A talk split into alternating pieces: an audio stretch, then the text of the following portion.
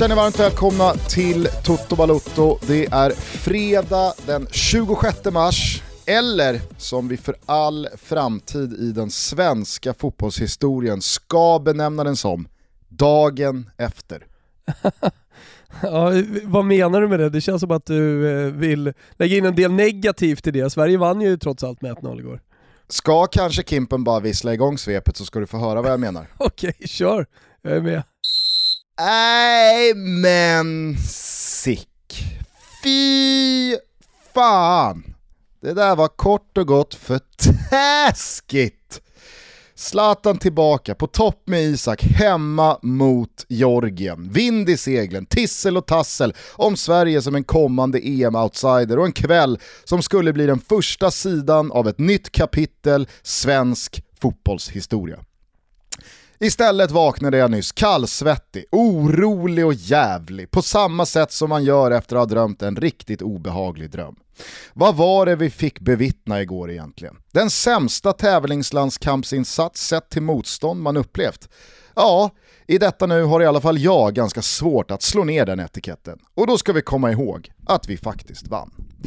Ingenting fungerade, och då menar jag verkligen ingenting. Mittbackarna konstaterade att det överbefolkade mittfältet fick innebära sidledspassningar ut till ytterbackar som inte fick ordning på vare sig fötter eller boll. Så när uppspelen till slut började gå i vertikal riktning fastnade de antingen på georgiska motståndare eller försummades av svenska spelare som hade skruvat upp risktagandet, delikatesstörsten och nonchalansen till max. Man höll på som om man ledde med fyra bollar med kvarten kvar mot ett lag som sket i vilket. Klackskarvar, släppa bollen mellan benen, vrickningar med utsidor och stillastående överlappar. De första 35 minuterna fungerade ingenting och vi kan bara tacka Kvilitaja på topp i Georgien att julgransfoten fortfarande satt på högertassen. En kort stund av briljans mellan Zlatan och Viktor Claesson ledde fram till 1-0, men eh, det var vare sig rättvist eller talande för matchen dittills. Men jag tror inte direkt att jag var ensam om att tro att målet i alla fall skulle innebära ett större lugn och en mer förväntad matchbild därifrån. Det blev tvärtom. För den andra halvleken var om möjligt ännu sämre än den första. Chockad. Thomas, jag var chockad att Sverige efter en kvarts halvtidsvila och möjlighet till att skrika av sig, rycka upp sig och omgruppera kom ut efter paus och inte fick ihop fem passningar inom laget. Ju närmre klockan tickade 90 började så smått desperationen smyga sig in på gräset. Dock inte över att nej nu jävlar måste vi skärpa oss, utan nej nu jävlar är det ju bara att börja maska, skyffla iväg bollen och gå på knäna för att hålla 1-0 hemma mot Jorgen. Det var hemskt att bevittna. När allt var över så var Kristoffer Nordfeldt matchhjälte då hans räddning med knappt 10 minuter kvar sannoliken var från den övre hyllan. Men helt ärligt, Jorgen hade förtjänat en kvittering. Det här var inte värdigt. Det här var en av de mest frustrerande landskamper jag kan minnas, så låt oss nu be och hoppas att detta bara var ett olycksfall i arbetet, att vi redan på söndag ser ut som ett helt annat lag och att vi om några månader kan garva åt den här helt fruktansvärda insatsen mot Jorgen, bara tre månader innan EM-succén. Nej men underbart. Jag, jag hade ju då förväntat mig, när du skulle vissla igång svepet, att eh, man skulle få höra om ett eh, Frankrike som faktiskt bara kryssade hemma mot Ukraina. Om Spanien som bara fick kryss mot Grekland och så vidare. Det spelades ju en hel del annan VM-kvalfotboll också. Men fokuset låg på Sverige och jag köper det till 100%. Det blev en krönika Gusten, det blev inget svep. Ja, Kanske, kanske mer av en krönika i svepform och så tänker jag att vi givetvis kan göra nedslag i de andra rubrikmatcherna som spelats här eh, onsdag, torsdag. Men eh, alltså när jag satte mig och knackade det här alldeles nyss så kände jag ju, vadå, ska, ska, jag, börja, ska jag börja orera kring att Danmark såg jävligt pigga ut borta mot Israel igår? När det här är det som ockuperar hela min uppenbarelse och har flyttat in på min näthinna. Ja, nej det är klart. Eh, frågan är ju dock eh, vad jag ska tillägga, för eh, du eh, sätter ju ord på mina känslor också. Just det där att vakna upp och känna sig lite Eh, ja men, lite bakfull eller på att säga, men alltså så här, vakna upp ur en mardröm. Eh, för det var, alltså utifrån förväntningarna, för det är någonstans där vi alltid får utgå ifrån. Utifrån förväntningarna, allt uppsnack, Zlatan show hela veckan och sen så kom det då på uh, onsdagen någonstans där att uh, vi minsann skulle starta med Alexander Isak och Zlatan på topp och man såg ju liksom Ja, man, man såg spring i benen och man såg ett samarbete som skulle funka ganska bra med en, eh, med en snabb Alexander Isak runt då eh, targetspelaren Zlatan och så kanterna som skulle flyga. Fan Kulusevski kom förbi en gång sin gubbe igår. Jag, jag, jag, vet inte om du håller med mig exakt i sak i det jag skrev eh, i svepet, men jag tycker att Dejan Kulusevski verkligen får vara ansiktet utåt för den här alldeles för höga nonchalansen, risktagandet, svårighetsgraden i vad man försökte göra. Det kändes som att han försökte ta ner månen och spela liksom Joga Bonito cage-fotboll från gården i Hässelby varenda gång han fick bollen och det kostade omställning på omställning på omställning. Vi har ju bara tur att Jorgen inte kontrar in 1-0 första 20-25 minuterna. Men ändå så blir det liksom ingenting av det här back to basic-tänket att okej, okay, nu får jag i alla fall inte tappa bollen i det här skedet. Nu ska, nu ska min passning i alla fall sättas till en gul spelare. Ja, det, det klassiska, man, man tar ner svårighetsgrad lite och så spelar man enkelt. Men han skruvade istället bara upp den. Det kändes, alltså det, det, det, jag vill inte hamna där, men det går inte att komma runt att min magkänsla var jävlar vad Kulusevski vill impa på Zlatan. du skriver... Jag, jag är ledsen, men, ja. men, jag, jag, är ledsen, men det, det, är verkligen det bestående intrycket om vi pratar specifikt Kulusevski och den här nonchalansen och svårighetsgraden och liksom väldigt, väldigt eh, märkliga eh, graden av eh, risktagande. Ja, men du, jag tycker du sätter huvudet på spiken här i din lilla krönika. Och eh, peak irritation någonstans eh, då mot eh, Kulusevski i den här matchen är ju släppet mellan benen som du också nämner. När han får bollen, man tror att han ska ta emot den, men istället så släpper han den mellan benen och går på djupet. Men lyckas ju inte då. då. Eh, det, det, det, just den situationen får någonstans eh, symbolisera eh, fiaskot i, i, i den här matchen. Och håll med mig, alltså det som är mest frustrerande kring just det här med just den här spelaren, det är ju att man i ett och ett halvt års tid har lärt känna en så jävla missuppfattad spelare av de som följer svensk fotboll i marginalen här hemma. De har en bild av Dejan Kulusevski som si och som så, när de egentligen inte har sett den hårt jobbande, defensivt ansvarstagande, riskminimerande och liksom klockrena tvåvägsspelaren Dejan Kulusevski som spelar så jävla moget. Exakt. Exakt. Han spelar så jävla moget och han har beslutsfattande som kanske sin främsta egenskap. Nej men och när han har spelat tillsammans med en annan stor eh, eh, anfallare, eh, Cristiano Ronaldo, alltså han har ju fått agera någon slags eh, eh någon slags vapendragare till honom i flera matcher han har spelat ganska högt upp, eh, så har han ju just spelat väldigt enkelt och satt honom i positioner, vilket i slutändan såklart alltid ger honom möjligheter att göra mål. För att då börjar motståndarna eh, fokusera på lagkamrater istället om han börjar spela enkelt och då blir det ytor och då kanske de inte riktigt är med och så vänder han på en femöring. Men jag tänkte på det i den andra halvleken när han försökte utmana djupled, han kom ju inte förbi. Han hade Nej. inte, vad, vad, alltså, vad var det för vänsterback i Georgien? men alltså, jag, jag, jag alltså, måste känna så här. gick inte gå förbi han? Nej men alltså, jag känner så här. kollade de allsvenska sportcheferna igår och kände samma sak som jag. Det är, det är, det är bara, det är bara åka hem. till Georgien och, det är bara åka till Georgien och gräva guld för fan. Ja, ja. det här var ju riktigt jävla bra gubbar ju. Nej, men det, det, det sjuka med dem, man brukar prata i ungdomsfotboll om att man vill skapa bolltrygga spelare som inte blir stressade oavsett vad det är för, för situation, om man spelar ytterback och blir hårt pressad, så är man liksom i någonstans i alla lägen hela tiden trygg med bollen. Alltså det som eh, kännetecknar eh, Pep Guardiolas lag. Eh, det ska spelas upp alldeles oavsett, det får aldrig slås en lång boll. Alltså det kände jag med Georgien, eller Georgierna. De, de fick bollen i alla olika typer av pressade situationer och de hittade alltid, hittade alltid fötter, de hittade alltid rättvända spelare, de tog alltid rätt beslut och när Sverige kom, ja, då var det omöjligt att gå förbi.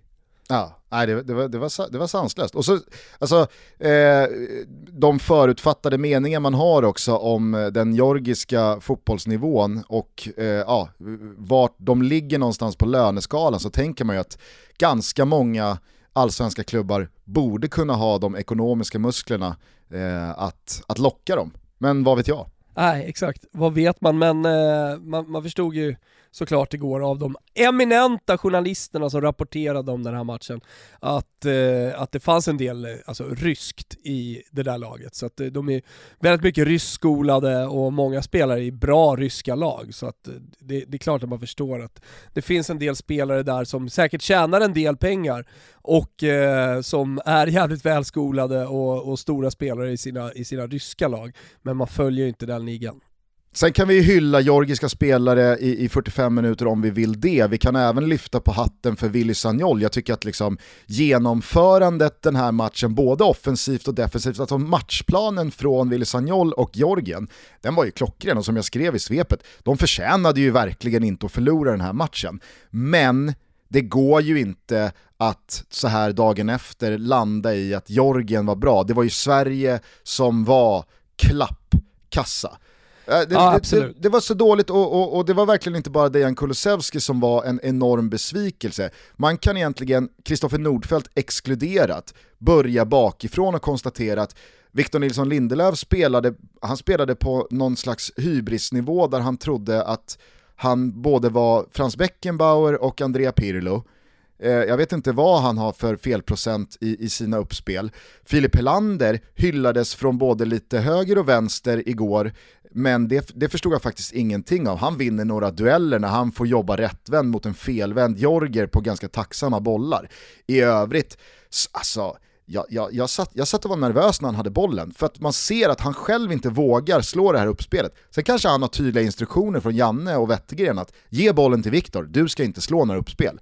Men det, är, eh, det, det, det, var, det var direkt svagt i uppspelsfasen från centralt håll, ute på ytterbackspositionerna. Jag har inte sett Micke Lustig och Ludvig Augustinsson vara så obekväma och så ovänner med bollen som igår, någonsin. Nej men jag vet inte om du såg när Micke Lustig blev utbytt? Jo jo. Alltså, han, han, gick och, han gick och muttrade för sig själv. Framförallt han ju och skakade på sitt huvud. Han gick och skakade på ja. sitt huvud som att han själv frågade vad fan var det som hände ja, precis? Va, exakt, vad var det för insats jag stod för? Jag fick ju för fan inte tag på bollen, det gick inte idag. Nej. Och sen håller de ju på att ställa till det där på högerkanten, han och, och är det Kulusevski eller har de bytt det? Jag tror att det är han, uh, han och Kulusevski. När det är 20 minuter kvar någonting, och du vet, tappa boll och Jorgen på vänsterkanten kommer i fullt fräs liksom in mot mål. Man satt bara, vad fan? alltså, nej men han har, han har en stötbrytning, eh, det, jag tror att det är det som föranleder Kristoffer Nordfeldts jätteräddning. Alltså han, han stötbryter med kramp i båda buggarna och man känner bara, nej men för fan, nu, nu måste någon ta av Big Mike alltså.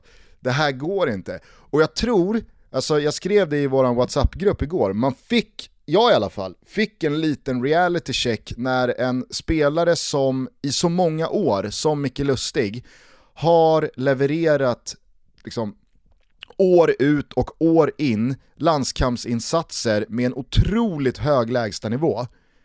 Alltså när han då efter ett halvår i Sverige och kanske framförallt två, tre månader här mot slutet med inte speciellt mycket tävlingsfotboll, träningsmatcher eh, och, och, en, och, en, lägre nivå såklart på, på, på alla grejer, inte minst då ja, men, alltså fotbollsspelandet, träning och match. Alltså, som, jag, som jag skrev, det här kanske bara var ett olycksfall i arbetet, jag säger inte att Micke Lustig och andra spelare har liksom gått ner i nivå. Men jag fick i alla fall, jag, jag, jag skakade på huvudet på samma sätt som Micke gjorde när han byttes ut, att vad fan, vad, vad fan var det där? Vad fan är det som händer? Jag har aldrig sett Lustig med kramp i båda buggarna bli utbytt i, i 82 minuten för att säga det, det går inte längre. Hade det här varit en bortamatch i Georgien så hade man ju börjat spekulera i underlaget. Alltså, var, var, det någon, hade de gjort något? Hade de vattnat det? Var det ojämnt? Släppte det? Men nu var det ju faktiskt eh, på den planen som Sverige har tränat sedan i måndags. Dock kändes det väl lite torrt eller? Jo det tycker jag. Tyckte det blev, tyckte det blev några stunder där bollen liksom så kladdfastnade och man inte riktigt fick tag på den vid första touchen. Men som du säger, det är, det är Sverige som har bestämt underlaget här, det är Sverige som har bestämt förutsättningarna, det är Sverige som har varit på den här planen sedan i måndag. Så att, ja. Skulle vilja dela ut ett par godkända betyg till eh, Alexander Isak, eh, ja Nordfeldt nämnde du ju tidigare, eh, och sen så då till Nej, men det stannar där. ett, inhopp, ett, inhopp, ett inhopp som var otroligt och det var ju Albin Ekdals. Det var otroligt minnesvärt i alla fall, jävligt, eh, jävligt att Åke Ljunggren inte hängde med se, alls? Alltså. Alltså Ja. är det i den här situationen? Jo men det, var, det blir alltid så lustigt när man då går upp i falsett kring vad är det som händer? Och, och så börjar Marklund då spekulera i vad som händer i den situationen. När han liksom har gått och tänt den där baksidan i tre minuter. Jag såg väl mer ut som Det var- framsidan nästan va?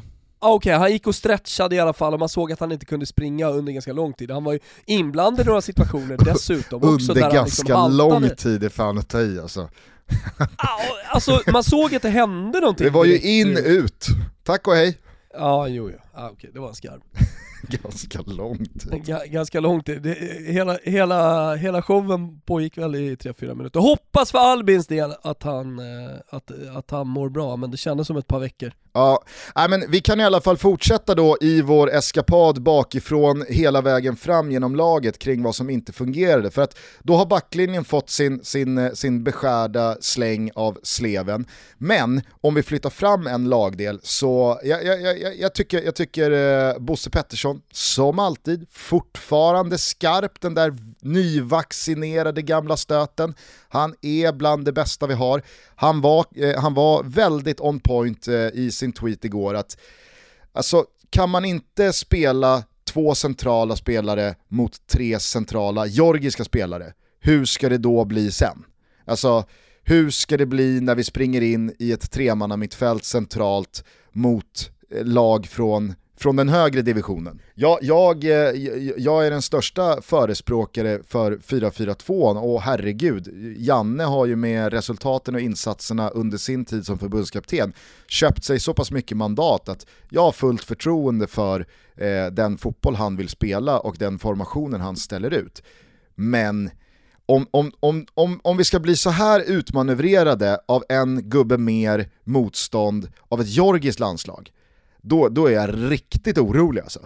För Men det här är som var... du säger, alltså vi spelade, vi, vi spelade ju ganska bra matcher i höstas mot väldigt bra motstånd dessutom. Eh, och eh, ja, men så här, Kroatien borta när det väl började, men även om vi förlorade matcher så, så spelade vi helt bra fotboll. Och jag, det, det jag tycker igår, när du pratar om eh, Sagnol och hans matchplan och att det fanns idéer, så var ju liksom känslan med, med det svenska anfallsspelet att det var idéfattigt och att eh, tajmingen inte fanns. Eh, och nästan som att de inte hade tränat ihop överhuvudtaget. Nu tror ju jag att det är just liksom, en ny spelare in i det anfallet.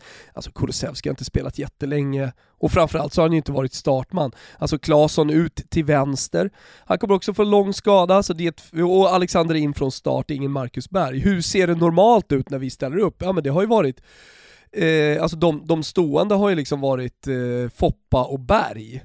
De två har ju varit eh, nyckelspelare vad man ska säga, men, de- men de som alltid har startat. Nu var ju varken Foppa eller Berg med. Så att det var ju ett nykomponerat anfall och det fanns ju ingen timing i grejerna. Nej, nej absolut, och, och det är väl klart att man inte ska underskatta det. Å andra sidan, det fattar ju du också, hemma mot Georgien, då skruvar man upp kraven ändå.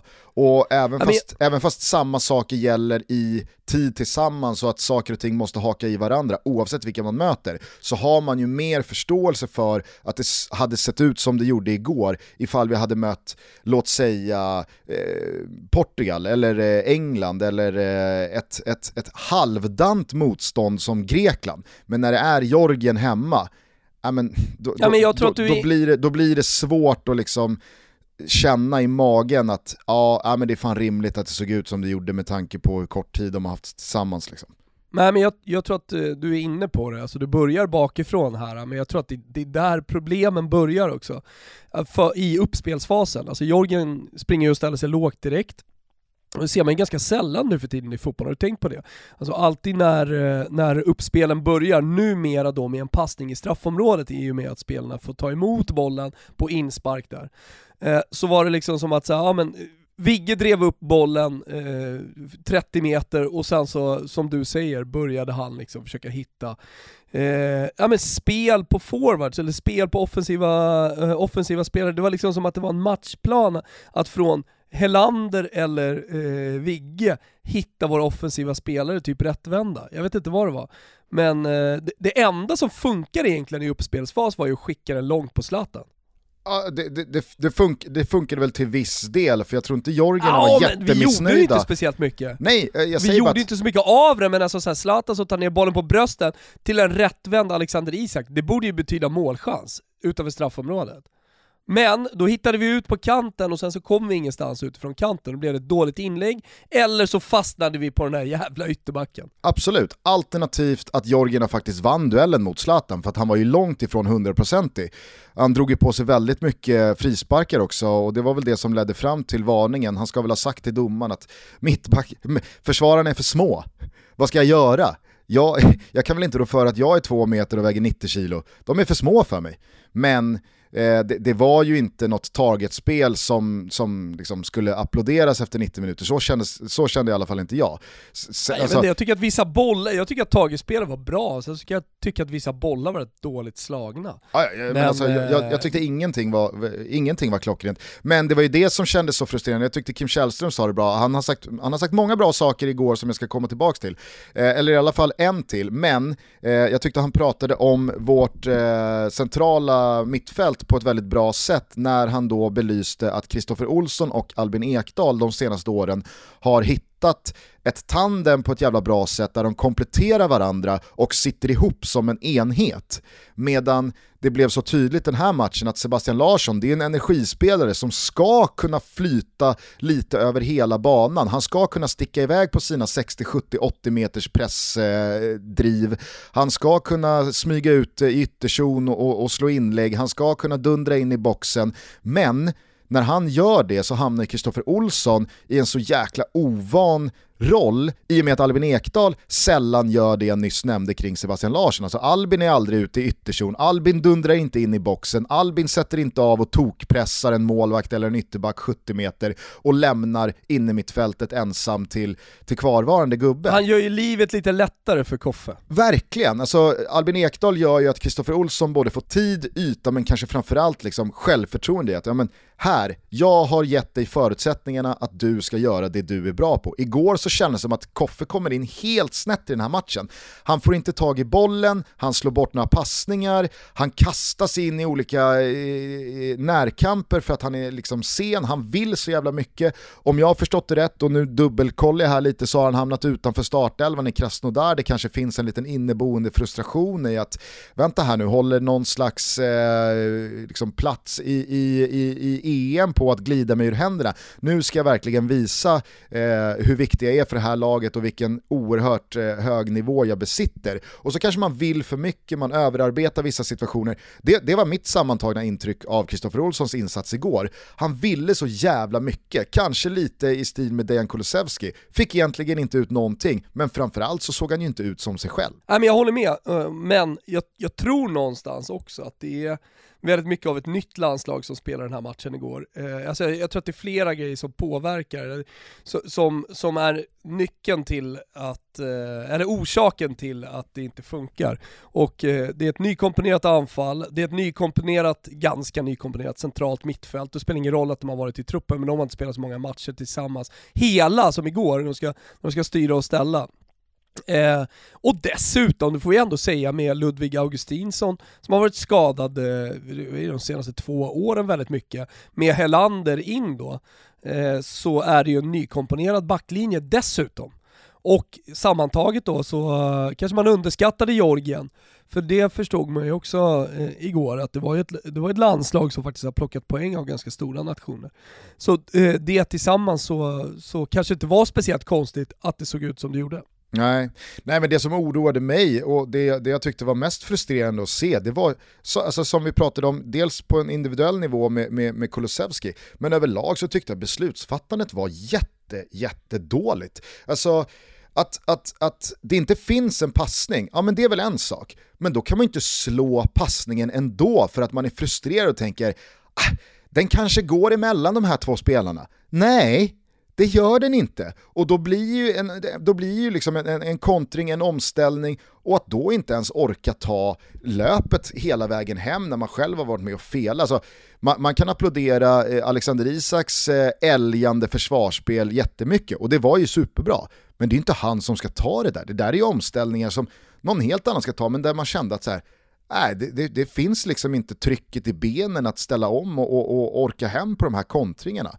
Och, och, och, det kan väl jag köpa om det står, som jag skrev, 4-0 med kvarten kvar. Ja, men då kanske man inte behöver älga livet ur sig, men att hemma mot Jorgen i ett likaläge eller i en uddamålsledning ens riskera att schabbla bort två poäng eller rent av tre poäng. Det, det, det var otroligt provocerande. Då, då, får man ju hålla i bollen och röra sig på ett annat sätt tills passningen finns, än att slå den för att den borde finnas. Mm. Ja, men jag tror däremot att Alexander Isak stärkte några slags aktier igår. Eh, Absolut. För det som, brukar ta, det, det som eh, Marcus Berg ofta får höra liksom, av Janne inte minst, det är ju att han hela tiden står för en gedigen arbetsinsats varje match. Och eh, det kändes som att Alexander Isak har fattat att om jag ska slå, i, slå mig in i det här laget, om jag ska kunna peta Marcus Berg, då måste jag också ta det kanske lilla extra jobbet och det gjorde han ju framförallt två gånger igår. Och där stärkte han sina aktier att starta EM bredvid Zlatan. För ja. han känns ju given väl ändå, även om han gjorde en lite svagare match igår. Ja, alltså jag, jag, tror att, eh, jag tror att ganska mycket kan komma att avgöras också hur det ser ut och vad som händer i de kommande matcherna. Klart han är given. Klart han är given i EM. Det finns inget annat. Nej, men jag menar bara att om nu Marcus Berg skulle kunna spela eh, i, i nästa match, eller i matchen efter det, och så gör han en toppinsats, det ser jättebra ut, pressspelet längst fram fungerar kanon och han gör två mål. Ja, Ska, ska Marcus Berg då petas eller ska det finnas plats för Marcus Berg och Alexander Isak? Vad händer då med Zlatan? Nej, Zlatan ska ju starta och då är det väl Alexander Isak som får flytta på. Alltså, jag tror bara att insatsen igår var bra, jag håller med dig om att han stärker sina aktier, men han cementerade ju ingenting igår. Nej, det, hade han gjort mål så hade han kanske cementerat någonting, jag vet inte. Men eh, jag tror att Quaison är ganska långt ifrån att spela, eh, eller att göra minuter ens, i EM. Om, eh, om nu, alltså om, om Alexander Isak spelar på det här sättet. För att Quaison har ändå valts före eh, Isak tidigare. Ja. Ja, ja, Men det känns som att Alexander Isak har gått om, så det har ändå hänt någonting under den här säsongen, när vi inte har spelat några matcher. Nej, Nej och där landar väl i, alltså jag i alla fall, jag vet inte hur du känner, men jag, jag, jag tror att jag hela tiden låter det ta överhanden att man man tycker lite synd om Quaison i och med att han var kanske genomgående bästa spelare i EM-kvalet och har verkligen förtjänat att vara en del av startelvan i det lag som ska spela mästerskapet. Men ska man vara krass och ska man vara ärlig så kommer det ju ha gått ett och ett halvt år, lite drygt, sen det där EM-kvalet avgjordes och han var så himla bra. Och då är det, det klart att man måste respektera att saker och ting har hänt, att spelare har gått om och att man kanske själv har svalnat lite. Ja, ja men, och i slutändan så är den situationen vi befinner oss i med alla anfallsspelare som är i form och bra, eh, en, en, bra situation att befinna sig i. Att det, att det finns konkurrens och det finns möjligheter att förändra under matchen också. Men någon som jag tror också förstärkte sina aktier att, att starta var ju, var ju Claesson. Även om, ja, nu, nu var inte Foppa med från start, men han ska ju in där till vänster, det vet vi ju om. Han kommer att starta till vänster lika väl som att Zlatan kommer starta på topp. De två är givna. Ah, Viktor Claesson kommer inte starta till vänster, Emil Forsberg kommer starta nej, men, till vänster. Nej men, ja, men uh, du, du hörde inte vad jag sa. Uh, han, han cementerade sin plats i startelvan mer eller mindre igår genom sin insats. Jag säger inte att han var jättebra, men han gör det där målet och han konkurrerar ju i grunden med Kulusevski. Mm. Ja, absolut. Och vem väljer Janne? Alltså Janne, Janne har ju redan ett gott öga åt eh, Claesson. Så att egentligen så blev det ju nästan lite av en, en final mellan Claesson och, och Kulusevski i, i, igår. Den som lyckades bäst kanske får starta. Och då kanske folk protesterar när de hör det och menar på att vadå, eh, det hinner väl hända en hel del grejer innan vi ska spela den där EM, EM-premiären. Eh, e Nej, det hinner fan inte hända så jävla mycket mer grejer innan EM-premiären. Nej. Nej men det är ju så ju. Alltså vi, vi, har, vi, har, vi har Kosovo på söndag och sen har vi eh, en eh, experimentmatch mot Estland. Det är jag helt övertygad om och det är väl du också Gusten, du ska ju göra den sändningen. Dessutom va, Eh, där, där, där, där det är, det är bänken som kommer in och där startspelarna från, från kvalet här nu, kvalmatcherna. Det är väl klart att det luktar lite Pierre Bengtsson, Jens Kajuste och oh, ja. Ken Sema mot Estland. Det, det, det har du ju rätt i. Å andra sidan och så finns det, ingen, det finns ju ingen 35-manna-trupp med liksom en januari-turné-11 att skicka ut mot Estland. Det är klart att det kommer finnas, tror jag i alla fall, fyra, fem, sex spelare som aspirerar på en startplats i EM-premiären i den där startelvan. Jag tror att vi mer eller mindre kan sätta startelvan i premiären på, så, så, ja så när som på en, två spelare förutsatt att vi inte får några skador. Det, det är Marcus Berg, Alexander Isak, den lever fortfarande. Vårt centrala mittfält med Albin Ekdal och Kristoffer eh, eh, Olsson, det, det, är givet. Foppa är given, Zlatan är given, Claesson är given.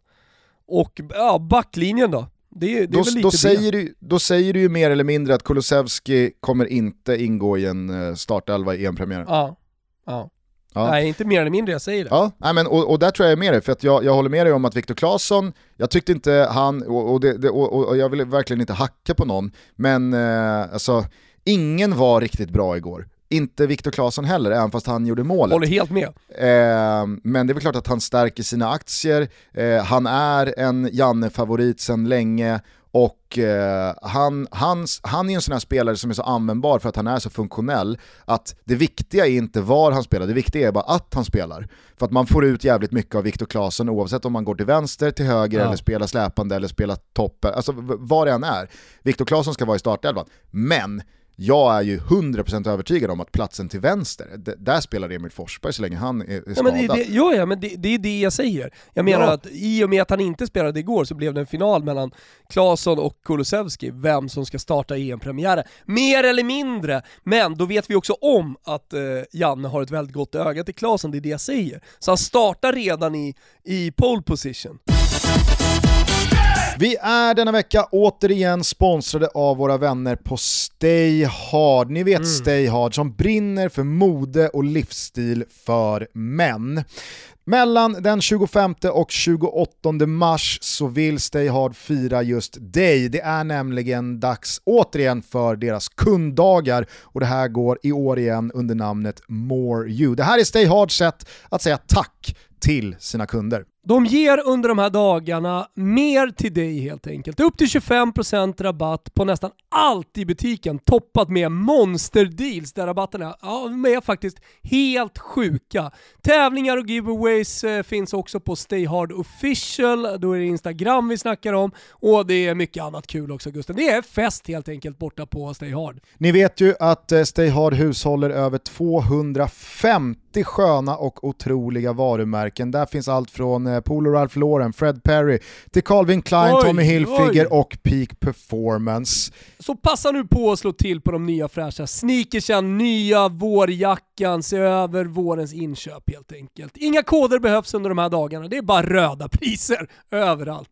Stayhard official på Instagram är det som gäller och stayhard.se är det som gäller för uh, More You. 25 till 28 mars vi säger stort tack till Stay Hard för att ni är med och möjliggör Toto Balotto. Ja, och Stay Hard säger tack Toto Balotto och tack till alla kunder via oss. Eh, längst fram i alla fall, eh, kort bara, eh, så har du ju berört en del kring Alexander Isak och Zlatan. Jag tycker inte att man jag tycker inte att man behöver landa efter en sån här match i att okej, okay, Zlatan tillbaka, då såg det helt plötsligt ut så här eh, och att det ska vara ett lika med tecken däremellan. Eh, utan det, alltså så här, det, var, det var så mycket som var så dåligt och så fel långt innan Zlatan ens involverades i den här matchen, i de här sekvenserna, i många av ja, men momenten av den här 90 minuten att det, det, det, blir liksom bara, och, och, om, man, om, man vill, om man vill landa i slutsatsen att Zlatan tillbaka, då såg det helt plötsligt ut som det kunde göra under Erik Hamrén igen. Ja, men då, då, då vill man ju bara hitta alla fel som finns med att Zlatan är tillbaka i landslaget. Eh, jag, jag kan känna att just i samarbetet eh, Isak-Zlatan som ett anfallspar så såg man ju att det fanns, eh, det, det, fanns mer att ta av när man lär känna varandra eh, som spelare och anfallspar bättre än efter två träningar ihop. Det var ett ja, par men... gånger där Zlatan gjorde si och räknade med att Isak skulle göra så, men Isak inte hade uppfattat det ur den aspekten utan tänkte på ett annat sätt. Och, ah, alltså, Nej, men problemet, var ju inte, problemet var inte samspelet mellan Alexander Isak och Zlatan igår. I och med att vi inte fick fram några riktigt bra bollar till. Nej. Fick ju inte jättemycket att jobba med. Nej. Samtidigt så kommer det ju alltid finnas med Zlatan Ibrahimovic på planen mängder av sekvenser där han ska kunna visa sin världsklass på en individuell nivå, göra sin spelare eller göra det mm, liksom, utförandet han måste göra i just den sekvensen på ett så bra sätt att han liksom, sticker ut över mängden och att det kan leda till både Mm. mål och resultat. Det fanns ju inte igår. Det, det, han gör det en gång och då blir det mål och det är jättebra. Så att, ja visst, det, det kanske är orättvist att och, och liksom kritisera Zlatan för igår, men jag tycker att han, precis som alla andra, inte kommer undan med godkänt, eh, i alla fall ur, ur någon offensiv aspekt. Eh, jag, jag förväntade mig mycket mer, jag, jag, jag, jag, var, jag var besviken, men ja, det, det, det, finns, det finns i alla fall rimliga anledningar till att det såg ut som det gjorde igår. Absolut, absolut. Det, det finns ju de som är betydligt mer besvikna, eh, som vaknar idag och som vaknade igår. Och ett av de länderna är ju Spanien. Nu kommer de säkert reda ut det här och komma igång och vinna resten, vad vet jag. Men de spelar ju ändå i våran grupp. De fick bara 1-1 hemma mot eh, Grekland. Bakasetas, va? Han kvitterade i den 57 minuten, Gusten. Den gode Trabzonspor-spelaren. Och eh, det betyder ju, om vi nu ska försöka vara lite positiva ändå, det är ju fredag och det är sol och vår eh, i luften, eh, att Sverige toppar gruppen. Det i sig är ju positivt, men det var det här jag skulle återkomma till när det gäller Kim Källström i studion igår. Jag tyckte att han Okej. sa det ganska bra, för att det var direkt en sån jävla kollektiv känsla av att yes, Spanien tappade poäng mot Grekland, halleluja. I all jävla misär som vi precis har bevittnat här på Friends gräsmatta så kan vi i alla fall konstatera att Sverige tog tre poäng, Spanien tog en poäng. Men där tycker jag att Kim Källström skjuter in en jävla bra bisats när han säger ah, var det egentligen så bra att Spanien tappade de här poängen och Grekland kommer in i den här matchen? För att nu har ju Grekland tagit en poäng borta mot Spanien som är jävligt svår för oss att ta. Och med tanke Och men det beror ju på på... hur man ser på det här VM-kvalet. Ja, jag förstår ju precis Kim Källström, jag har tänkt de tankarna själv också. ja. Men vi går ju för gruppsegern. Jag- Jag vet inte riktigt om jag känner det efter igår. Kö- Gör vi det? Alltså ett kryss, ett kryss mot, alltså ko- konkurrenter som kryssar i slutändan, den poängen kommer inte vara det som avgör. Jag är helt övertygad om det. Absolut, men kanske ska vi se Grekland som en, en konkurrent om andra platsen lika mycket som vi ska se Spanien som en konkurrent om första platsen. Ja, du menar att det kommer bli ett, eh, ett jämnt race mellan tre landslag? Nej, jag tror inte att det kommer bli det. Jag tror att det kommer handla om Sverige eller Spanien, om att ta, för det måste vi också påminna alla om. Alltså det är inte EM-kvalet där alla går vidare.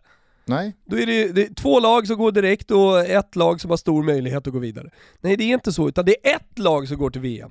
Det är tufft alltså. Och därför Ja. måste vi gå för den där första platsen och därför är det bra. samtidigt, alltså så här, jag var helt inställd på att göra samma resa som vi gjorde till VM i Ryssland. Nu kommer vi tvåa i gruppen och sen så löser vi genom playoffet för att Sverige, det här Sverige kan slå alla lag över 90 minuter. Men över, en, eh, över ett gruppspel så kommer vi inte förbi Spanien, vi är inte där än och det är bara att konstatera. Således så gick jag in i det här VM-kvalet med känslan och tanken och ambitionen att vi, vi, alltså så här, allting mot Spanien är bara bonus, men de kommer springa iväg och det är helt fine. Vi ska i alla fall inte slarva bort någonting, vi ska komma tvåa, vi ska vara jobbiga att möta i playoff-semifinalerna och ta oss därifrån. Det, det, det, det är så det får vara. Och då känner jag, i synnerhet med tanke på hur insatsen mot Georgien såg ut, okej, nu får vi inte förlora borta mot Grekland. Torskar vi borta mot Grekland, äh, då, är, då, då du får måste... aldrig förlora om du spelar ett, ett VM-kval. Fast, och du vill gå vidare. fast om Spanien... Det, det, är liksom, det är så få lag, vi är bara fem lag i den här gruppen. Du kan inte hålla på och torska borta mot Grekland, då är det ju bara att lägga ner. Det hade du kunnat sagt eh, redan när det här lottades. Nej, om Spanien hade gått rent mot alla, då hade vi haft eh, liksom livbojen att kunna torska mot Grekland borta så länge vi slår dem hemma. Alltså, det, det, det går ju. Men, men nu blir det ju någonting helt annat. Ja, Om- helt om vi torskar mot Gre- fan om blir. Om vi torskar mot Grekland borta, ja, då, kommer vi då kommer vi förmodligen behöva ta poäng av Spanien. Ja, det har vi gjort förut. Det, är väl, eh, det är väl, har vi väl Har vi stor det? möjlighet att göra. Klart vi har. Fan, har så, jag, jag gick ju visserligen halvtid men uh, Elmander sprang sönder det spanska Jaha, du, ja, men du är tillbaks där. Ja, då var man ju på plats också. När, där. när, det var ett bättre Albeck, spanskt landslag då än vad det är nu. När Albeck krojfar bort eh, Puyol ja, ja. och Casillas. Ja, ja. Nej, men, jag, jag, jag tror så här, vi ska inte dra för stora växlar på spelet från eh, 90 minuter där allting... Ska vi inte det? Vi, har jag precis, vet du vad? Jag har precis konstaterat att allting var nytt igår. Det var ett nytt anfall, det var ett nytt mittfält, det var en ny backlinje, det var fan en ny keeper till och med Gusten. Det var första matchen i det här VM-kvalet. Det här landslaget har inte setts på, jag vet inte hur länge. Vad är det nu? Är det fyra månader, ett halvår? Alltså Holland åker och dundertorskar mot Turkiet. Frankrike kryssar mot Ukraina. Spanien kryssar mot Grekland. Alltså hör du vad jag säger här eller? Det är väl inte speciellt konstigt. Kroatien! Såg du Kroatien mot Slovenien? Jag såg hela matchen. Ja, jag såg andra halvlek. Ja, men du, du vet, du pratar om vårat anfallsspel. Att det är, eh, vi, vi, vi kan prata om otiming, om ett centralt mittfält som inte funkar, om en backlinje som inte, eh, som har hybris eller vad vet jag, som inte får, får upp bollarna till rätt spelare.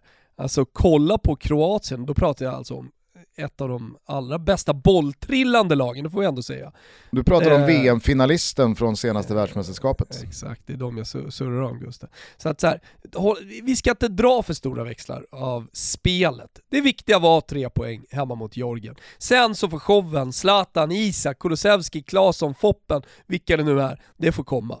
Absolut, sen så, jag, jag, tyckte du sa det bra initialt där. Alltså, och, och det blir ju lätt så här att man drar jävligt stora växlar på ganska få minuter fotboll när det handlar om landslag. För att det spelas ibland kanske max 6-7 landskamper på ett år. Ibland så är det några, några fler än så. Men, men det, är liksom, det är de matcher man har att förhålla sig till. Och då kan man inte alltid hålla på och jämföra med hur det ser ut i klubblag med spelare och anfallspar och mittfält och backlinje som får spela ihop sig över 100 fighter och tre säsonger. Alltså, det är äpplen och päron. Det här är det vi ser. Då är det det här vi måste utgå ifrån. Men jag fattar ju vad du menar. Du brukar ju också vara en av de största förespråkarna för att det ska se skit ut i början. Det är helt perfekt och det inlägget kom från dig i vår WhatsApp-tråd igår också efter 10-12 minuter. Det ser helt perfekt ut, men till och med du svängde ju en halvtimme senare när du kände att, men vad fan, men fan. vad är Sitter man på hus och hem borta händer? på Betsson på eh, minus en och en halv där, då är det klart att, då är det klart att känslorna kommer in.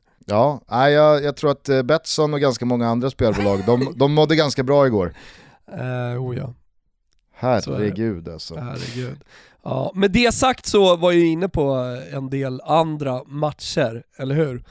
Alltså mm. det, det, det, är många av de stora lagen, alltså Italien eh, gör det bra mot Nordirland som ändå är ett, en ja, men tuff, lurig motståndare i en eh, VM-kvalpremiär. Eh, Tyskland gör det ju bra mot Island, det är över efter sju minuter där.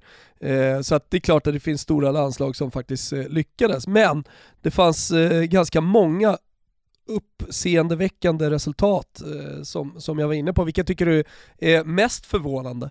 Nej men det är väl eh, Holland, och nu putsar de ju lite siffror, men när, när, när turkarna skickar in 3-0 i början av andra halvlek, då känner man ju att vad är det som händer? Holland har ju, de, de, de har ju haltat och, och, ramlat och snubblat och krånglat ganska många år nu, men så kände man i fjol och, och åren innan där med, med, Nations League efter då VM 18 mm. att nu har Holland gjort en eh, omstart, nu är det liksom ut med det gamla, in med det nya, van Dijk som försvarschef och eh, Frenkie de Jong och de Ligt och, ja, men alltså det, det, det, det kändes som att nu, nu är en annan typ av holländsk generation på plats här för att påbörja återvandringen mot toppen. Men Visst, van Dijk är borta och det ska väl inte underskattas hur mycket det gör. Kanske ännu mer då för ett landslag som vi är inne på träffas mer sällan och när då ryggraden försvinner. Kolla bara på Sverige när granen är out. Ja men då ser det ut så här.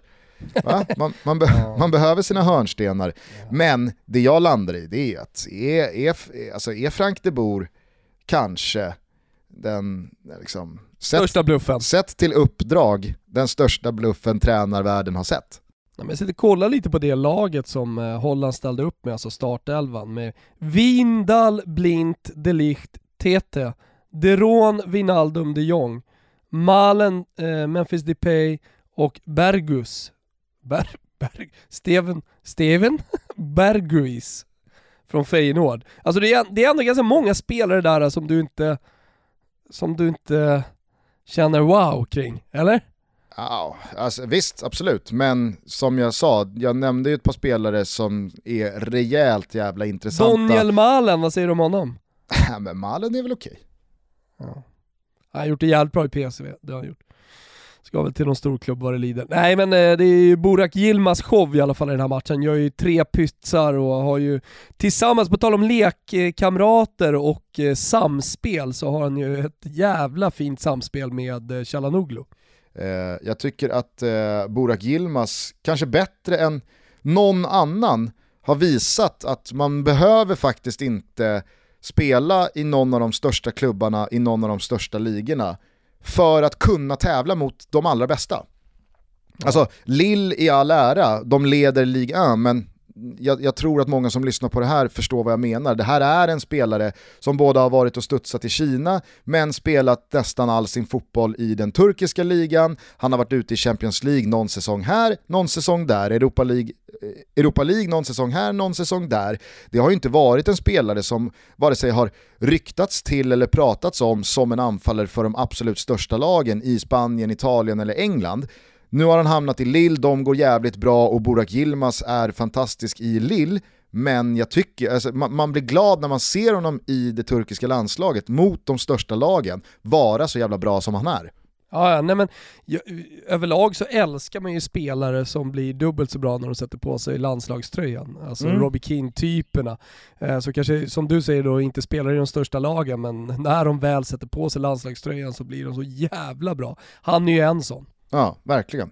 Men återigen bara kort tillbaka till Frank de Boer. Alltså, många kommer ihåg eh, att eh, han ändå gjorde det ganska bra med Ajax under en längre period i början av 10-talet. Sen så gick han ju då till Inter, nu var det dags, nu skulle han testa sina eh, tränarvingar på riktigt. Kraschlandade ju å det grövsta eh, i Milano. Gick därifrån vidare året efter till Crystal Palace och kanske stod han för den mest minnesvärda tränarsessionen i en Premier League-klubb på 2000-talet sett till hur uselt det gick. Jag vet inte om du minns där, men han fick alltså sparken efter bara fyra matcher. Eh, och då hade Crystal Palace inte ens gjort mål. Jag tror inte ens att de hade ett skott på mål. Och så fick Roy Hodgson kliva in och rädda det där. Det kanske var sju matcher, skitsamma. Eh, det var i alla fall en episk eh, tränarsession. Sen studsade han ju i Atlanta United i MLS och jag, jag tänker inte eh, sippa ner gylfen här och, och, och, påstå att jag, att jag har någon större koll på hur det gick för honom där. Men eh, det känns ju lite som, eh, ja, men det, det, det är sista chansen här nu för Frank de Boer. Om han kraschlandar som det ändå finns eh, möjlighet till att göra det här med Holland, då tror inte jag hans tränarkarriär hämtar sig från det. Ja, jag har svårt att se det. Alltså det, det är någonting med tränarkarriärer eh, som tar slut i landslag också. Att när man som klubblagstränare väljer att ta landslaget, mm. då är det svårt att komma tillbaka. Nu finns det ju såklart tränare som har gjort det, Antonio Conte är en som eh, just nu är aktiv. Eh, men kolla på Cesare Prandelli. Eh, kolla på Roberto Donadon om du vill backa det italienska bandet lite till. Som alldeles för tidigt i sin tränarkarriär valde att ta det, det italienska landslaget och sen mm. li, liksom aldrig riktigt återhämtade sig. Sen var det ju ett italienskt landslag som man inte skulle peta på om man nu ville någonting som tränare. Speciellt inte som ung tränare, upcoming som eh, Donadoni lite grann ändå var under den tiden. Eh, det, det, alltså det var det landslaget som, som eh, åkte till EM efter eh, eh, VM-guldet 2006. Alltså det är alltid svårt att ta ett, ta ett titellag liksom. men Cesare Prandelli är väl lite i ropet nu, han har ju sagt upp sig från sin roll i, i Fiorentina, men, men det, var, det var lite som att så här, nu tar han landslaget, gjorde det bra i EM, tog ett EM-silver 2012, kraschade 2014 när han valde att satsa på Casano Balotelli. jag, bara, jag var tvungen att hämta andan där. Casano och Balotelli. Vi kör på de två gubbarna. Inleder ändå bra mot England, det är det som är så jävla sjukt med den kraschlandningen. Ja. Och man känner wow, det här kommer ju bli bra. Och efter då att de har vunnit eh, EM-guld. Sen så är det ju den där förbannade matchen för, Italien, eh, för Italiens del eh, som går åt helvete. Men skitsamma, eh, det, det, det, det, det blev aldrig någon återhämtning. Han eh, valde att gå till Galatasaray ganska fort. Eh, såklart ett felbeslut och kom aldrig tillbaka. Gör en, han har gjort lite grejer såklart, men kommer till Fiorentina här nu och han säger att nej, det är över nu. Det, det, finns väl kanske en liten öppning i det han säger, att han, han kommer fortsätta som tränare. Men den är väldigt, väldigt liten. Han, smy, han, smy, han smyger in lilla, lilla gläntet på dörren i sin exit. Det är alltid lika ovärdigt tycker jag. Det här skulle kunna vara istället för det här är. Ja, absolut. Men vill du ha det perfekta motbudet på någon som har hamnat ja. helt rätt i att man har tagit sitt landslag väldigt tidigt i sin tränarkarriär? Ja. Andrei Shevchenko. Är han inte lite som eh, Zinedine Zidane? Han gör eh, det ukrainska landslaget, men han ska inte göra någonting annat på tränarscenen. Jag tror nog absolut han ska göra någonting annat. Det, det jag bara vill säga med det här är att jag tycker att Ukraina under Shevchenko har tagit enorma kliv, inte för att man kan varenda spelare i det laget utan och innan och följer dem i deras eh, klubbmiljö eh, mellan varenda landslagssamling. Men jag satt och kollade på Ukraina mot Frankrike och alltså, om man landar i att det var Sverige som var dåliga och inte Georgien som var bra, så kände jag efter att ha sett eh, 1-1 i, i Paris att ja, visst, Frankrike kanske inte kommer upp i någon högsta nivå, men Ukraina är bra, de är solida, de är stabila, de är tunga, de jobbar hårt, de är fysiska, men de är tekniska. Och de, när de väl går så går de med 5, 6, 7 spelare. Och Shevchenko står där och, och det, det känns som att Shevchenko står där med en sån jävla pondus och entusiasm och tro på det han gör. Och jag får i alla fall känslan av att det vi ser Shevchenko göra med Ukraina nu, ja, det kanske kan leda till en bra sommar en gång, men sen är han redo att kliva vidare till, eh, till, till nästa stora uppdrag på klubblagsnivå eh, och, och, och steppa upp det. För att jag, jag, jag, jag, han har fan hamnat helt rätt alltså. Ja, men jag håller med, jag håller med. Spännande att följa. Det, det är ju en sån där, en tränare som man inte tänker så mycket på i och med att han efter karriären inte har haft eh, så många fotbollsroller väl. Nej, och sen så, alltså, fördomsfull som man är, så kändes det mm. lite så här, ja men det är Ukraina, det är väl klart att de ger förbundskaptensrollen så fort Shevchenko knäpper med fingrarna för att han är den största spelaren i landets historia och han är en nationalikon. Det här är givetvis fruktansvärt ogenomtänkt och det här kommer sluta med pannkaka. Det var ju känslan. Men nu sitter vi här fem år senare och jag är, jag är imponerad. Undrar om vi om fem år kommer sitta som frågetecken fortfarande eh, vad det gäller Zlatans eh, Instagram-inlägg igår. Såg du det eller? Eller var det en tweet? Eller, Karl 16 Gustav. Exakt. Efter matchen twittrade Zlatan Ibrahimovic ut Karl den 17 Gustav. Eh, ja, Landslagsstjärnan fick svara på... Ja. Okej, okay. att han har liksom ja. tagit över. Ja, landslagsstjärnan fick svara på frågor om inlägget på presskonferensen efter matchen. Ska Alexander Isak förklara eller ska jag? Nej, det är väl så det är. Är det inte det? Det finns en gammal kung och det finns en ny kung, säger Ibrahimovic och tillägger “Jag tog över tronen för över 20 år sedan”. uh, Okej. Vad menar du? vet, du vart det här, vet, du vart, vet du vart det där inlägget landar absolut mest oklart? Hos Isak? Nej, hos kungen. Jag skulle... Man vet ju att någon jävla pressekreterare i hovet har ju visat det där för, för Kalle G ute på Drottningholm. han fattar ju inte ett smack. han, ser, jag, jag, han undrar ju när pingis-VM börjar. ja, Fan vad han älskar pingis. Som man hade velat se ett möte mellan Zlatan och kungen när Zlatan ska försöka förklara inlägget och vad som är kul med inlägget. Eller alternativt att kungen ska för förklara vad han tycker är kul med det där inlägget. Alltså, ja. det, det hade varit... Eh, det hade varit en sittning något. det. Det hade varit en sittning det. Eh, är det någonting annat från eh, de här landslagsdagarna du tycker vi ska hinna med innan vi stänger ner butiken? Norge tog ju ganska tydlig ställning med eh, sina t-shirts inför deras landskamp mot Gibraltar. Human rights on and off the pitch. Tyskland följde efter igår, jag tyckte det var kul när Olof Lund fick se de här bilderna live och direkt sa det känns väl som att Tyskland snickrade ihop sina tröjor med lite kortare varsel än norrmännen. Eh, norrmännen hade tänkt ut det där och, och, det var liksom tryckeriet hade gjort sitt medan eh, Tyskland hade målat ihop sina tröjor. Känslan var i alla fall med en kvart kvar. Eh, Jag kan tycka att hela den här diskussionen kring eh, VM i Qatar bojkott och att den har blossat upp nu och att nu tar folk sig, ja det är väl jättebra men, men alltså så här, det, är, det, det är tre år för sent eller? Ja exakt nu är det inget, Det- alltså så här, vad vad ska hända nu menar de? Ja. ja men precis, nu har ju visserligen VM-kvalet till Qatar 2022 börjat precis.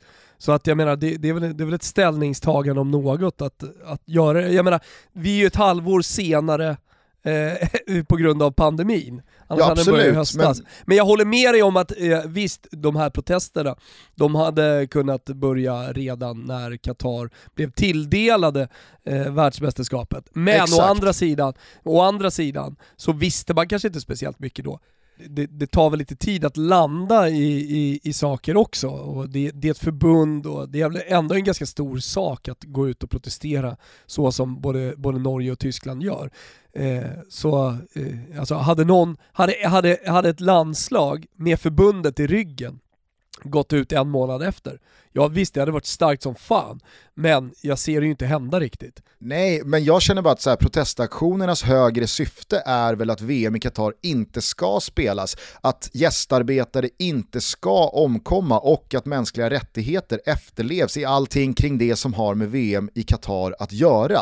Och det har man ju kunnat liksom belysa och agera mot i nu, vad, pr- vad pratar vi, 6-7 år.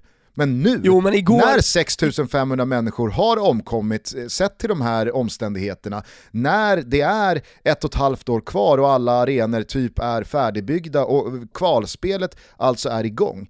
Ja men va, va, va, alltså, nu kommer ju ingenting hända.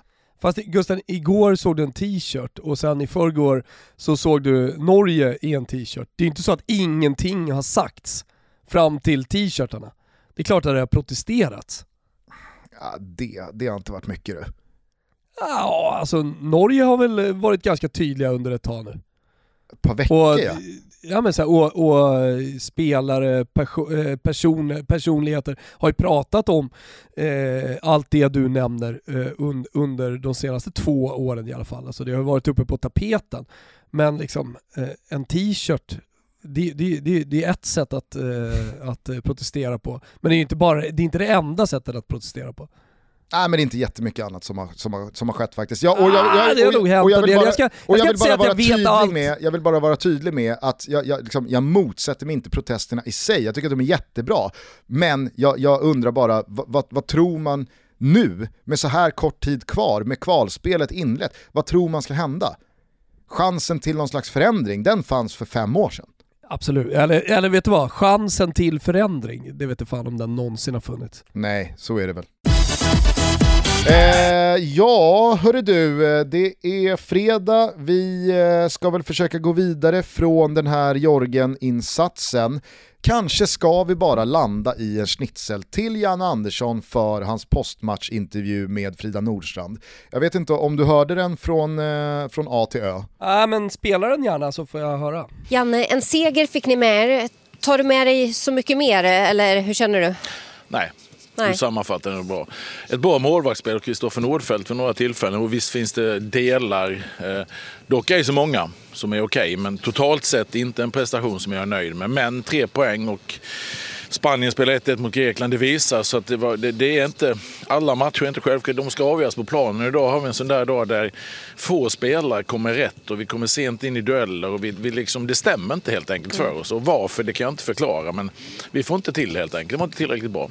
Jag tänkte fråga varför, men du, du hittar ingen spontan Nej, jag, förklaring? jag kan inte säga något direkt. Ibland brukar man säga det är dålig inställning. Kan man, nej, det är inte dålig inställning. Ibland, ibland blir det fel, man kommer fel och sen, sen växer de lite grann i matchen. Och jag har sagt det innan, det här, alltså, även de här nationerna har ju individuellt skickliga spelare och det, det visar de många gånger. De, då växer de i matchen och känner att de är med och då helt plötsligt så börjar det bli jobbigt. Så att det, här var, det, här- det, det blev en jobbig match och eh, jag är glad för tre poäng och egentligen inte så himla mycket mer om jag ska vara ärlig. Mm. Det här var ju bara ett, ett, ett kort litet utdrag, men hela outputen från Janne, hela liksom det samlade intrycket var att vi gläds åt tre poäng och att vi vann en fotbollsmatch, men that's it. Och helt ärligt, ibland så vet man inte varför det ser ut som det gör. Ibland så är det bara så att man som fotbollslag och som fotbollsspelare kommer snett in i en match och så blir det en snöbollseffekt av dåliga beslut i ambitionen att försöka jaga tag i den här matchen, man vill komma in i den på rätt sätt. Istället så blir det bara fel på fel på fel på fel. Och medspelare försöker liksom täcka upp för de andra med ett ännu sämre beslut och så, så bara rullar det på. Så, sen helt plötsligt så, så, så, har liksom tillräckligt mycket av matchen gått att man kommer inte ur den grund som satt sig. Och så är det. Och, och, och, och även om vi har varit jävligt eh, liksom, eh, neggiga idag och, målat fan på väggen och dragit jävla stora växlar av en sån här insats, ja kanske ska man bara med lite distans hoppas och tro på att det är som Janne säger, att ibland blir det bara fel och man kan inte riktigt förklara varför, men det finns absolut eh, möjligheter till att det redan på söndag ser jävligt mycket bättre ut. Så att vi kanske, vi kanske, vi kanske bara ska ställa oss bakom Janne. Ja, det tycker jag att vi gör. Eh, och jag är helt övertygad om att det kommer se lite annorlunda ut på, eh, mot Kosovo. Det kommer se mycket bättre ut. Sen har jag ingen aning om vad som händer med resultatet, men det kommer se bättre ut. Hörde också att Zlatan kände sig i, i god form efter matchen och gärna spelar mot Kosovo. Så att eh, det, det, finns nog en, en match att se fram emot med eh, lite optimism i alla fall. Nej, men vi hoppas att vi får bevittna det på söndag. Ni vet att Simor som alltid sänder VM-kvalet. Sändningen startar 20.00 på söndag. Avspark mot Kosovo 20.45. Vi kommer inte sätta ihop en trestegsraket den här gången borta hos våra vänner på Betsson i och med att det är lite osäkerhet kring ja, men framförallt startelvan men också Exakt. vad det är för lag som dyker upp efter den här insatsen. Jag Faktiskt. känner mig inte speciellt trygg i att eh, Sverige går ut ut och eh, slaktar Kosovo, ja, men jag ser också att det här, det här kanske går åt fel håll och då, då, då, då vill jag inte gärna baka in det i en tutto-trippel. Så vi, vi har istället satt ihop en, eh, en mer vanlig eh, trippel med tre andra spel från mm. landskamperna som spelas på söndag. Vi börjar med Shevchenkos Ukraina, som vi bara tror slår Finland på hemmaplan.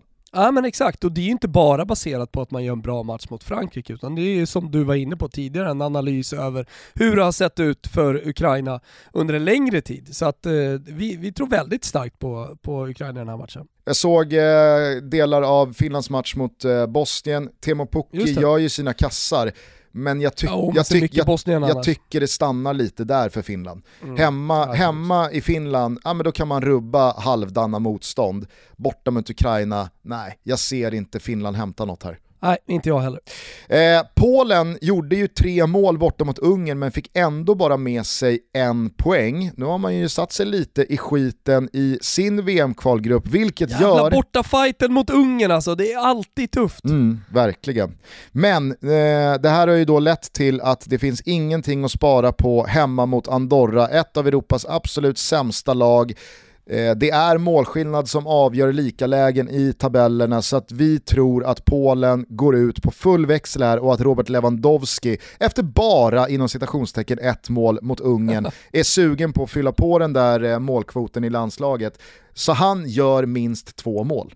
Ja, det är det andra benet i den här trippen. Avslutningsvis så tror vi att Spanien lyckas med det som vi inte lyckades med igår, nämligen att slå Georgien med två bollar. Jajamensan, jag läste statistik i, igår att Spanien inte hade förlorat eh, sedan 1993 i en VM-kvalmatch. Och så när Grekland gjorde 1 så kände jag wow, var det här jinx-statistik nu som kom ut? För det var många som uppmärksammade det och det retweetades ganska friskt. Ja. Hur som helst, nej, eh, eh, Spanien kommer såklart inte torska mot Georgien. Och, eh, alltså, någonstans känner jag att Georgien laddade ur igår.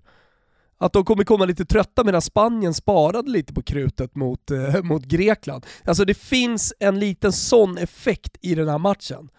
Att, eh, ja, men, att de har rest och eh, att de, att de ändå, fan vad de sprang alltså mot Sverige. Helvete.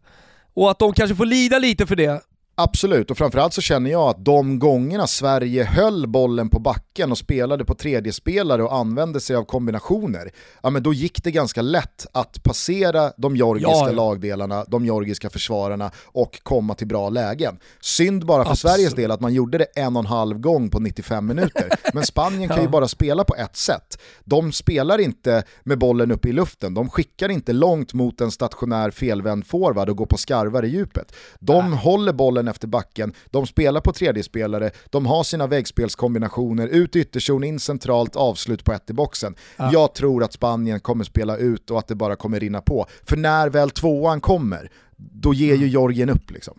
Ni hittar svaret eh, trippen på Betsson.com. Kom ihåg att ni måste vara 18 år fyllda. Har ni problem med spel så går ni in på stödlinjen.se. Precis, och eh, ni hittar den under godbitar och boostade odds ifall ni hör det här för första gången och aldrig har varit med på allt kul som Toto Balotto gör tillsammans med våra vänner på Betsson.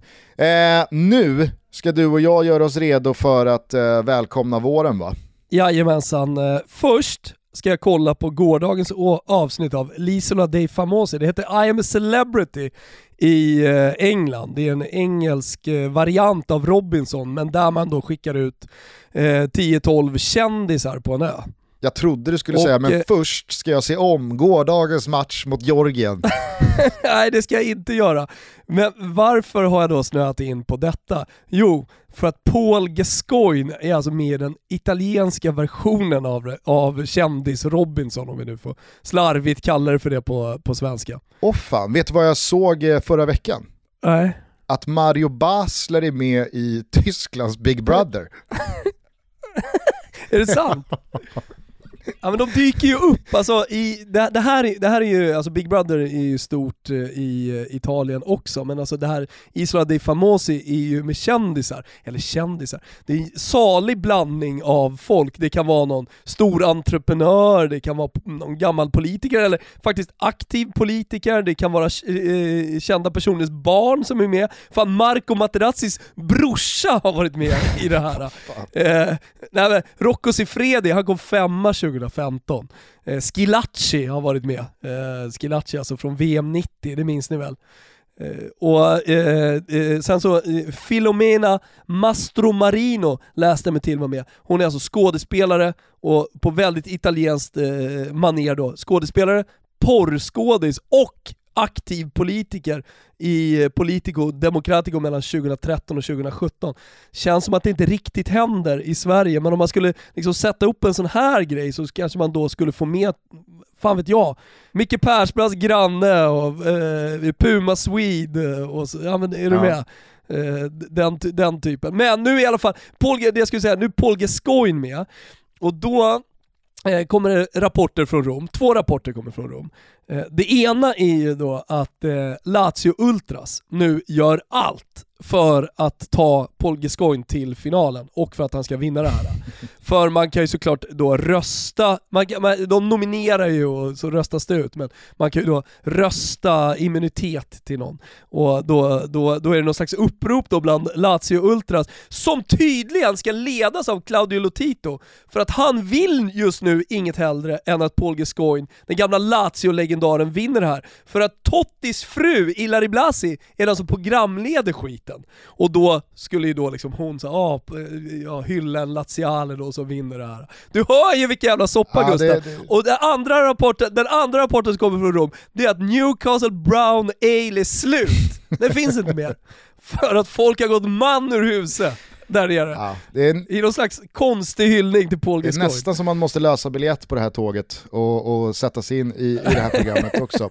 Eh, hörni, vi hörs igen på måndag efter att Sverige har VM-kvalat mot Kosovo. VM-kvalet fortsätter redan imorgon. Ni ser alla landskamper på Simors kanaler. Imorgon lördag är det bland annat då Norge mot Turkiet. Det är Håland mot Burak Yilmaz.